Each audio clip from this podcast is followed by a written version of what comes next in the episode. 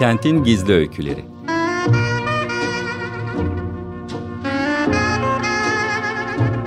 Kentin isimsiz kahramanları ve ilham veren yaşamları. Sıradan İnsan Öyküleri. Hazırlayan ve sunan Kenan Doğan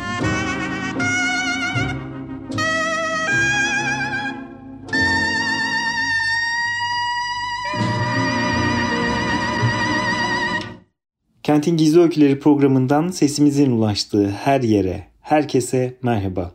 Ben Kenan Doğan. İki haftada bir salı günleri saat 20'miz 16'yı gösterdiğinde açık radyo mikrofonlarından sizlerle buluştuğumuz ve gerçek yaşamdan ilham veren yaşam öykülerini paylaştığımız Kentin Gizli Öyküleri programı başlıyor efendim. Hoş geldiniz programımıza. Bildiğiniz gibi her programda çok özel, çok değerli konuklarımız bizlerle birlikte oluyor ve şehrimizin içinden, kentimizden, yaşamımızdan, sokaklarımızdan, mahallemizden gerçek yaşam öykülerini, insan öykülerini sizlerle buluşturmaya gayret ediyoruz. Hem de ilginç yaşam öykülerini, ilham olabilecek yaşam öykülerini bu programda konuk etmeye, konu etmeye çalışıyoruz. Bu hafta da yine çok değerli bir konuğumuz bizlerle birlikte. Bakalım nasıl bir yaşam öyküsü bugün bizleri bekliyor ve sizlerle tanıştıracağız. Bizler çok heyecanlıyız. Ve sizleri daha fazla bekletmeden konuğumuza hoş geldiniz demek istiyorum. Sevgili İlke Özyüksel Mihrioğlu. İlke Hanım hoş geldiniz programımıza. Merhaba, hoş bulduk. Çok teşekkür ediyoruz öncelikle programımıza katılmayı kabul ettiniz. Yaşam öykünüzü burada bizlerle, Açık Radyo dinleyicileriyle paylaşmayı kabul ettiniz. Bizi çok mutlu ettiniz. Çok teşekkür ediyoruz. Ben teşekkür ederim. O zaman sormak istiyorum. Klasik Kentin Gizli Öyküleri programının ilk sorusu bütün konuklarına her zaman aynı. Bu soruyu size de sorarak yaşam öykünüzü dinlemeye başlayalım. İlke Özyüksel Mihrioğlu'nun yaşam öyküsü nerede, ne zaman, nasıl başladı? 26 Şubat 1997 yılında e, Zübeyde Hanım doğum hastanesinde e, evimize yaklaşık e, 300-400 metre uzak, uzaklıkta bir hastane yani e, Örnek Mahallesi'nde doğup büyüyen bir ilke var karşınızda. Ankara'da. Ee, Ankara'da. Bir Ankaralı an... olarak hemen hastane evet. adından buldum. Aynı hastanede doğduğumuz içindir muhtemelen. Ee, Bütün neredeyse Ankaralılar zaten aynı hastanede doğar genellikle. Evet. Peki evet. e, yaşama öykünüz orada başladı. Çocukluğunuza Hı. dair hatırladığınız o eski anılara dönelim. E, çocukluğunuzun Tabii. Ankara'sına dönelim. Nasıl bir çocukluk? Aileniz ee, ne yapardı? Bize neler anlatırsınız? Şimdi hastanede doğumumla birlikte zaten e, ikinci günden itibaren hemanjiyom tanısı konan bir çocuk, bir bebek oldum. E, ardından tabii ki benim için zor dönemler başlamış oldu. Çünkü hastalığın bir teşhisi konamadı o dönemde. Çok bilinmeyen bir hastalıkmış. E, o sıralar yaşam mücadelesiyle geçti benim için. Ardından şans eseri bir doktorun e, annemin yine tedavi arayışında olduğu zaman beni görmesiyle ve e, e, Amerika'dan gelen bir doktorun beni görmesiyle ve teşhis koymasıyla birlikte ben hayata tutunmuş oldum. Çünkü eğer teşhis konmasaydı ve bu hasta durdurulmasaydı e, zamanla beynime kadar damarlar sarıp en sonunda ölüme kadar gidiyordu. Hastalığın adını bir daha tekrarlayalım ve din, bilmeyen dinleyicilerimiz için anlatalım mı bu nasıl bir hastalıktır? Ee, hemanjom Türkçe adıyla damar çokluğu. Ee, doğduğumda aslında normalmişim ama ikinci günden itibaren yüzümde e, kılcal damarlar oluşmaya başlamış. Ardından bunlar artmış ve e, yüzeysel olarak böyle kiraz çürüğü renginde ve sürekli kanayan açık yaralara dönüşmüş.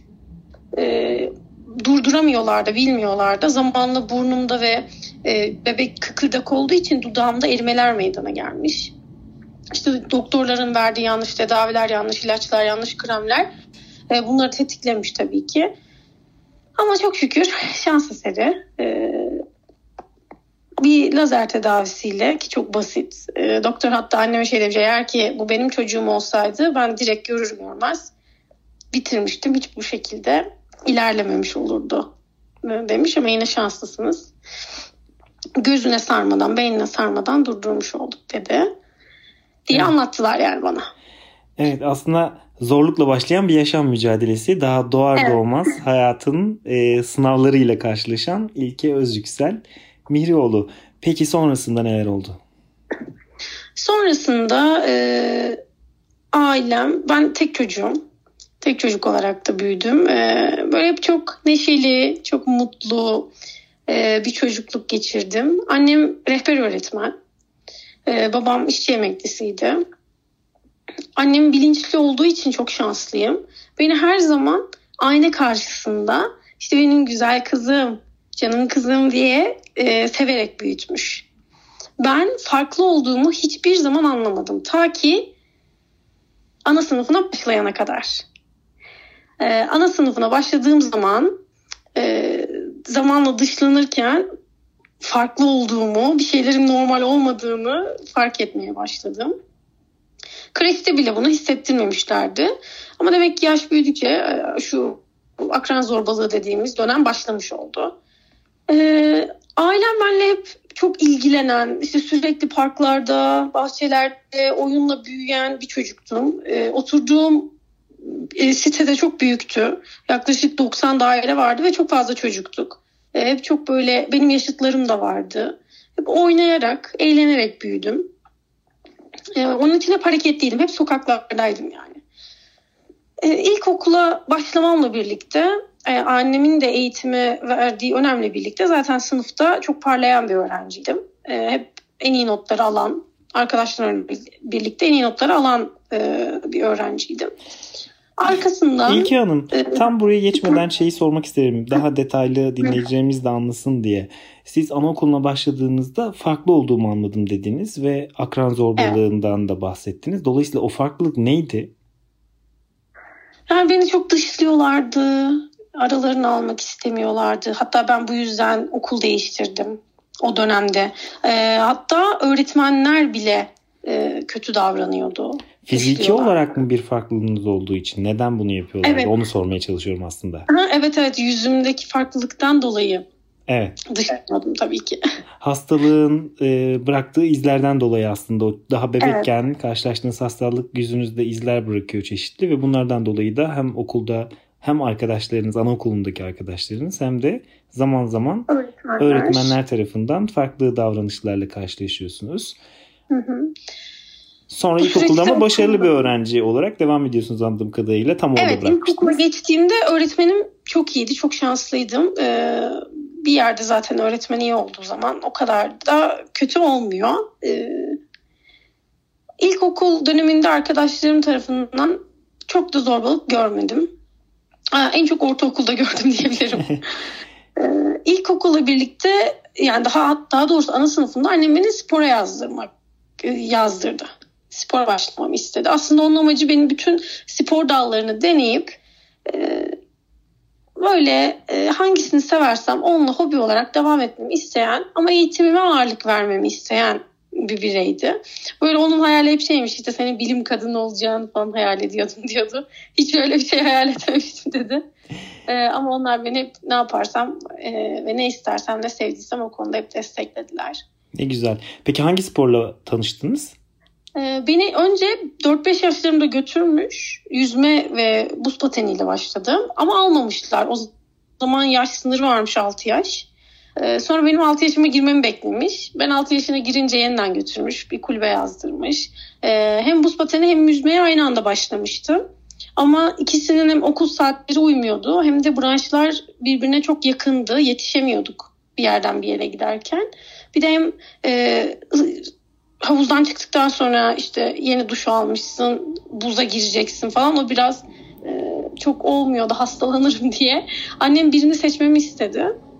Ben de yüzmeyi seçtim. O seçimi bile bana bıraktı. Ne güzel. Ee, evet çocukken e, annem şey der hep bebekken bile biz kıyafetlerini sana seçtirirdik. Mesela 2-3 tane kıyafet vardır mağazada onları önüne koyardık. Sen hangisini elini uzatırsan onu alırdık derdi. E, o konuda bile çok çok bilinçli yetişmiş bir böyle plan proje gibi bir çocuğum aslında. Çok şanslıyım. Zorluklarla aslında sınanan başlayan bir hayat ama sonrasında bilinçli Tabii. ebeveynler sayesinde de oldukça şanslı bir çocukluk. Tercihlerine Çok. saygı duyulan, kendi benliğinin oluşmasına saygı duyulan bir çocukluk anladığımız kadarıyla. Peki sonra e, siz e, bir yandan spora başladınız, bir yandan okul hayatı devam ediyor. Neler oldu evet, hayatınızda? Evet, bir yandan spor, bir yandan okul hayatı. Ee, benim modern pentatlonla tanışmam 9 yaşımda oldu. Kulübün modern pentatlona başlamasıyla birlikte ben de başlamış oldum açıkçası. Bizi bir gün biz hep Anıttepe yüzme havuzunda yüzerdik. Bir gün bizi 19 Mayıs stadyumuna çağırdı hocalar. Orada da yüzme havuzu olduğu için biz de yüzeceğimizi düşündük. Meğer yanındaki atletizm sahasında atletizm antrenmanı varmış. Ama yaz olduğu için ben de böyle terliklerle işte kot pantolonlarla falan gitmiştim. Ee, ilk antrenmanımı annemin spor ayakkabısıyla yaptım. Çünkü yanında spor ayakkabı yoktu. Ayağıma iki numara büyük spor ayakkabısıyla koşarak e, ilk antrenmanı gerçekleştirmiş oldum. Ve o gün hayatımın şokunu yaşadım. Çünkü ben koşunun bir spor olduğunu bilmiyordum. Çünkü ben hayatımda her yere koşarak gidip gelen, e, işte markete, okula koşarak gidip geliyorum, her yere koşuyorum. Hatta böyle anneannemle aynı binada oturuyorduk. Komşular şey diyormuş ya bu kız hiç durmuyor her yere koşuyor falan diye aralarında sohbet ediyorlarmış. O kadar normal ee, bir eylem gibi gözüküyor ki sizin evet, için bir spor olabileceğine ihtimal vermiyorsunuz. Herkesin, ben herkesin koşabildiğini düşünüyordum. Yani o zaman bunun böyle çok özel bir yetenek olduğunu, öyle herkesin yapamadığı bir şey olduğunu bilmiyordum. Ee, öğrenince çok şaşırmıştım. Açıkçası. Ve çok seviyorum koşmayı. Hala çok seviyorum. O zaman da çok seviyordum. Yürümek bana zaman kaybı gibi geliyordu. O yüzden koşuyordum her yere. Ne güzel. Ee, sonrasında modern pentatlonla tanışmış olduk. Ee, ilk yarışımda Türkiye şampiyonu oldum ve milli takıma girdim. Ardından İtalya'ya gittik.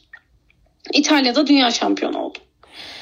Şimdi burayı dünya birazcık şampiyon... hızlı geçmeyelim. Şöyle yapalım isterseniz. Ee, siz e, ilk koşu antrenmanına gittiğinizde annenizin iki numara büyük ayakkabısıyla evet. koşuyorsunuz ve aslında iyi koştuğunuzun farkına varıyorsunuz. Bu arada modern pentatlon dediğimiz e, spor branşının ne olduğunu dinleyicilerimiz için de isterseniz açıklayalım bir. Neleri kapsıyor, hangi spor branşları var? Tabii modern pentatlon koşu, yüzme, atış, eskrim ve bincilikten oluşuyor. E, koşu yüzme temelli başlıyoruz. Ardından yaş büyüdükçe önce atış sonra eskrim en sonunda bincilik eklenen bir spor dalı. E, bu beş dalın hepsini yapmanız gerekiyor. Beşin hepsi olimpik branş olarak geçiyor. Ve siz, yani olimpiyatlara katılmak için beşinde yapmanız evet, gerekiyor. Ve siz çocuk yaşta daha çok küçük yaşlarda yüzmenin yanına koşuyu, atletizmi koyarak aslında modern pentatlona evet. bir başlangıç yaptınız. Sonrasında başarılar gelmeye başladı. Ama bu, evet, bu kadar da kolay olmamıştır diye düşünüyorum. Evet. Ama kimse bize mesela modern pentatlon yapacağız bak bu beş branştan oluşuyor falan diye bir bilgilendirme geçmedi. Sadece biz koşup yüzüyorduk o zamanlar. Ee, dünya şampiyonluğunun gelmesiyle birlikte de çok motive olduk açıkçası. Madalya ve başarı beni çok motive etti. Hatta hiç unutmuyorum yarış bitti. Ben böyle dolanıyorum. Üzerimizdeki kıyafetler bana böyle beş beden falan büyük. Yani e, tişört dizimin altına geliyor. O kadar büyük ki. Kaç yaşındasınız bu arada bütün çok bu başarıları elde ettiğinizde? 9 yaşındayken bu başarıları elde ettiniz. Evet ama ben böyle çok çıtı pıtı çok incecik bir çocuktum yani. Gerçi hala çok da irileştim söylenemez ama o zaman daha da böyle küçücüktüm. Barbie bebek gibi. Ee, yani o elbiselerin içinde kaybolduğumu hatırlıyorum. Ve şey diyorum yarış bittiğinde e dedim ne oldu şimdi dedim hocaya mesela. Dünya şampiyonu oldu oldun dedi.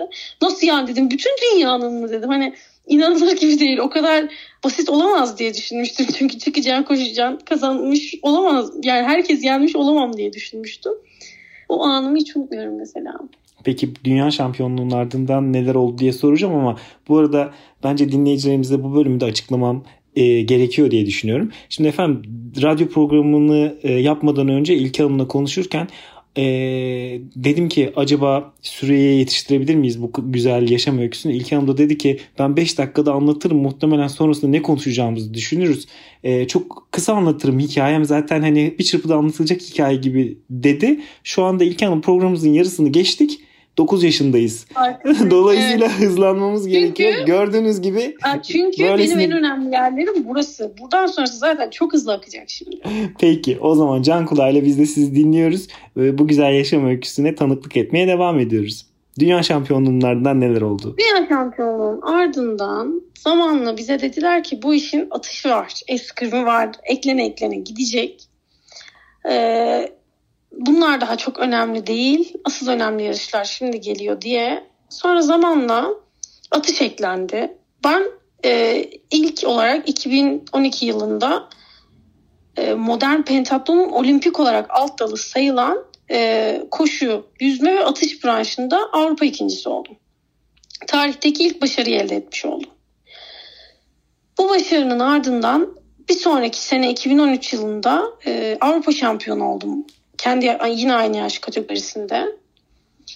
Onun ardından 2014 yılında kota, gençlik olimpiyatları için kota almamız gerekiyormuş. Tabii bunlar bize çok o dönemde ki federasyonun çok iyi olmamasıyla birlikte çok bilgilendirme yapılmıyordu. Federasyon da bizi çok desteklemiyordu. Federasyondan da çok sıkıntılarımız vardı.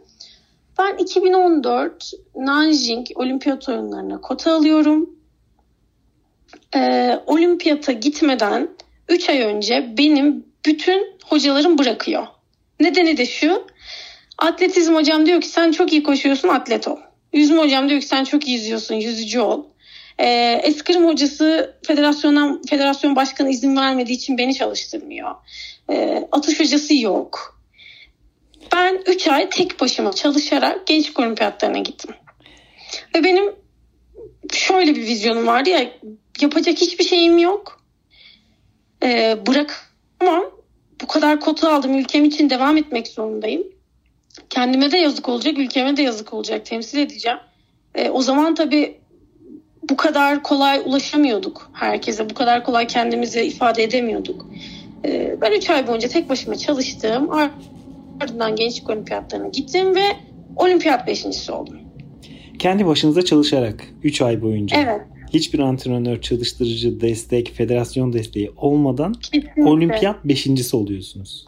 Evet hatta köstek oldular. Keşke hiçbir şey yapmasalardı. ee, orada benim şansım şu oldu.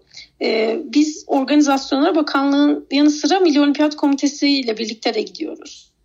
Evet. Orada Milli Olimpiyat Komitesi görevlilerinden birileriyle konuşma şansım oldu. Benim yarışımı izlemeye gelen e, kişilerle. Birazcık kendimi anlattım. Onlar da sağ olsunlar destek verdiler. Yarıştan sonra bakanlıktan beni çağırdılar ve e, beni bir proje haline getirmek istediklerini söylediler. Ben Nasıl de, bir proje? E, şöyle kabul ettim tabii ki. Dedim ki iki seçenek var. Ya birinci seçenek burada seni destekleyelim olimpiyatlara 2016 Rio olimpiyatları için çalışmalara başla. Ama dediler hani buradaki hocaları biliyorsun çok da iyi değil çalıştırmak da istemiyorlar. Ya da dediler seni yurt dışına gönderelim. Çalışmalarına bir kulüple anlaşalım orada devam et. Tabii ben bunu duyunca havalar uçtum. Eve gittim böyle nasıl koltukların tepesinde zıplıyorum. Anne diyorum bak pentatlonu bırakmak zorunda kalmayacağım. Devam edebilirim. Çok büyük şans. Nasıl seviniyorum. Annem böyle buruk buruk dedi ki gideceksin yani diye. Çok üzülmüştü. Ee, o süreçte 17 yaşındaydım. Gittiniz mi peki? Gittim. Ee, 2015 yılının 26 Şubat'ında 18 yaşıma girer girmez. E, çünkü o süreçte bazı problemler çıktı federasyonda. E, 18 yaşıma girmemi bekledik o sıkıntıları çekmemek için. 18 yaşıma girer, girer girmez Macaristan'a gittim. Harika bir kulüple çalıştım. Bir yıl eğitim aldım. Ve Macarlar, e, dünya şampiyonu oldum. Ve Macarlar bana şey demeye başladı. Kendi kızlarını ve kendi sporcularını da geçmeye başlayınca e, hocalara hani ilkiyi artık çok da çalıştırmayın demeye başladılar. Ardından bir vatandaşlık teklifi aldım. Bizim ülkemiz adına yarışır mısın diye. Ee, sonrasında beni çalıştırmamaya başladıklarını fark ettim. Ve 10 Ocak'ta bir karar aldım. Bir yarışa girdim ve orada atan elendim. Biz asıl at için gidiyorduk. Ata binemezseniz kesinlikle olimpiyatlarda yer alamıyorsunuz. Böyle bir kural var. Evet. Yani diğer branşlar iyi ya da kötü yapsanız bir şekilde sizi kurtarıyor ama birincilik kesinlikle bilmeniz gerekiyor. Başka hiçbir şansı yok. Arkasından ben bir karar verdim. Ee, ya dedim burada kalacağım ve olimpiyata gidemeyeceğim ya da Türkiye'de en azından bilmiyorum ama bir şekilde bir şansım olabilir. Ee, hemen irtibat kurdum. Türkiye'ye döndüm. Sağ olsunlar Türkiye'de bana harika bir ekip kurdular ve biz e, imkansız denileni başararak 2016 Rio Olimpiyatlarına kotayı aldık. Muhteşem. Sonrasında neler oldu? Evet, Rio Olimpiyatlarından önce, 3 hafta önce ben bir attan düşerek dizim, e, diz kapsülümü kopardım. Dizim döndü. E, ve doktor bana dedi ki ilk 3 ay yürüyemezsin. Ben de dedim ki mümkün değil. Benim ya bu olimpiyatlara kotayı almak için her şey yaptım. Yani gerekirse yeni diz takın ben ama yarışayım orada. E, doktor hiç unutmuyorum. Doktor bana dedi ki hayatımda senin kadar hızlı iyileşen hiç kimseyi görmedim. Her gün pati çorbası içtim. Sabah öğle akşam. E, tedaviye gittim ve iyileştim 2016 olimpiyatlarında. E, ilk kez modern pentatlon sahasında Türk bayrağını dalgalandırdım ve yarıştım. E, binicilikte bir talihsizlik yaşadığım için attan elendim. Biz de attan elenince zaten otomatik olarak sonunculuğa düşüyorsunuz. Ve 35. oldum. Arkasından e, benim için Tokyo Olimpiyat oyunlarının hedefi başladı. Tokyo Olimpiyat oyunlarına çalışmaya başladık. E, araya Covid girdi malum. Bizim için daha iyi oldu. E, yeni bir federasyon destek gördüğümüz harika bir ekip kuruldu. Yeni federasyon oluştu. Bu süreçte e, bir sürü madalya aldık. Ülkemizi çok iyi temsil ettik. Dünya kupalarında, dünya şampiyonasında, Avrupa şampiyonalarında büyükler kategorisinde bütün ilkleri ben yaşattım ve bu süreçte tam 8 tane dünya rekoru kırdım. Muhteşem. Şu an e, dünya üzerinde benden daha fazla dünya rekoruna sahip herhangi bir ülkede herhangi bir modern pentatlet sporcusu yok. Ardından Tokyo Olimpiyatlarına gittik ve seyircisiz bir olimpiyat olarak e, hayatımın en büyük başarısı olimpiyat beşinciliğini yakalamış oldum. Harika bir duyguydu. E, madalyaya çok yakın olduğumuzu biliyorduk, hissediyorduk ama e, orası olimpiyat zihinsel olarak en yüksek, performans olarak en iyi olan kazanıyor. Şu anda da Paris, e, Paris 2024 Olimpiyat Oyunları için hazırlanıyoruz. E, beşincilikten sonra artık gözümüz tabii ki basamağın daha üst yerlerinde ve kürsüde. E, önümüzde 2000... kota yarışmaları var. Kotayı aldıktan sonra da umuyoruz 2024'te bayrağımızı kürsüde dalgalandırırız. 2024'te olimpiyat oyunlarına gideceğinize sonuna kadar eminiz biz. Bence şu anda programı İnşallah. dinleyen tüm dinleyicilerimizle beraber size güzel dileklerimizi de gönderiyoruz. Ee, ama bence o olimpiyat oyunlarında dünya beşinciliğinden daha iyi bir derece gelmese bile sizin anlattığınız o hayata bir adım geride başlayan bir çocuk olarak hayatınız boyunca mücadele etmeyi bırakmamak ve ne istediğini bilerek onun peşinden giderek bu uğurda her mücadeleyi verip üstüne koya koya ülkesi için bu güzel branşta e, bu başarıları elde etmiş olmak ve bu kadar rekor kırmış olmak zaten bence başlı başına büyük bir başarı. O yüzden sizi bir kere daha tebrik ediyoruz. Bugün bu yaşam öyküsünü bizlerle paylaştığınız için de teşekkür ediyoruz. Ee, son olarak programımızın artık sonuna geliyoruz. Son dakikalarımız.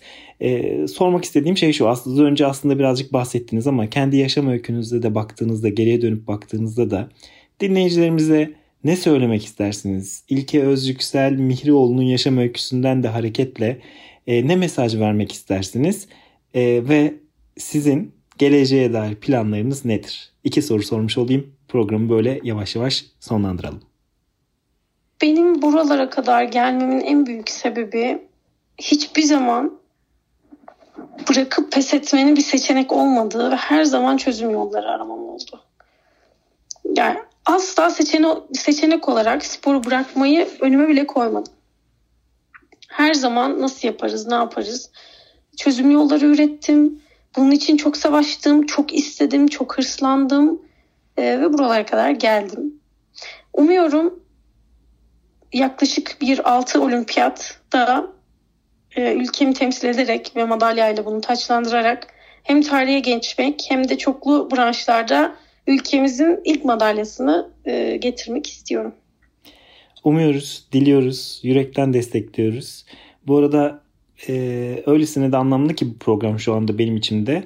E, Türkiye'de birçok insanın adını dahi bilmediği bir spor branşı aslında ama olimpik bir branş. Olimpiyatlarda madalya aldığınız bir branş ve bizim dünya standartlarında çok başarılı bir sporcumuz var e, bir kere daha Kentin Gizli Öyküleri vasıtasıyla biz Açık Radyo dinleyicilerimizle kendisini tanıştırma şansına sahip olduk. Ve programımızın böylece de sonuna geldik. Çok teşekkür ediyoruz. Çok sağ olun konuk olduğunuz için. Ben çok teşekkür ederim. Hoşçakalın. Hoşçakalın. Evet efendim bugün programımızın konuğu sevgili İlke Özcüksel Mihrioğlu'ydu.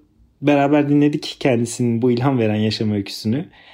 Doğduğu andan itibaren aslında hayatın zorluklarıyla yüzleşmiş ve çocukluğu bir nebze olsun zorluklarla geçmiş. Ee, okulda arkadaşları, öğretmenleri tarafından zaman zaman e, o akran zorbalığına ya da dışlanmaya maruz kalmış, kötü davranışlara maruz kalmış. Ama bir yanıyla sporla hayatında tanıştırmış ebeveynleri ki çok bilinçli ebeveynler. Buradan kendilerine de selamlarımızı göndermek istiyoruz. Teşekkürlerimizi göndermek istiyoruz ülkemiz adına böylesine bir sporcunun yetişmesine sağladıkları katkı nedeniyle de.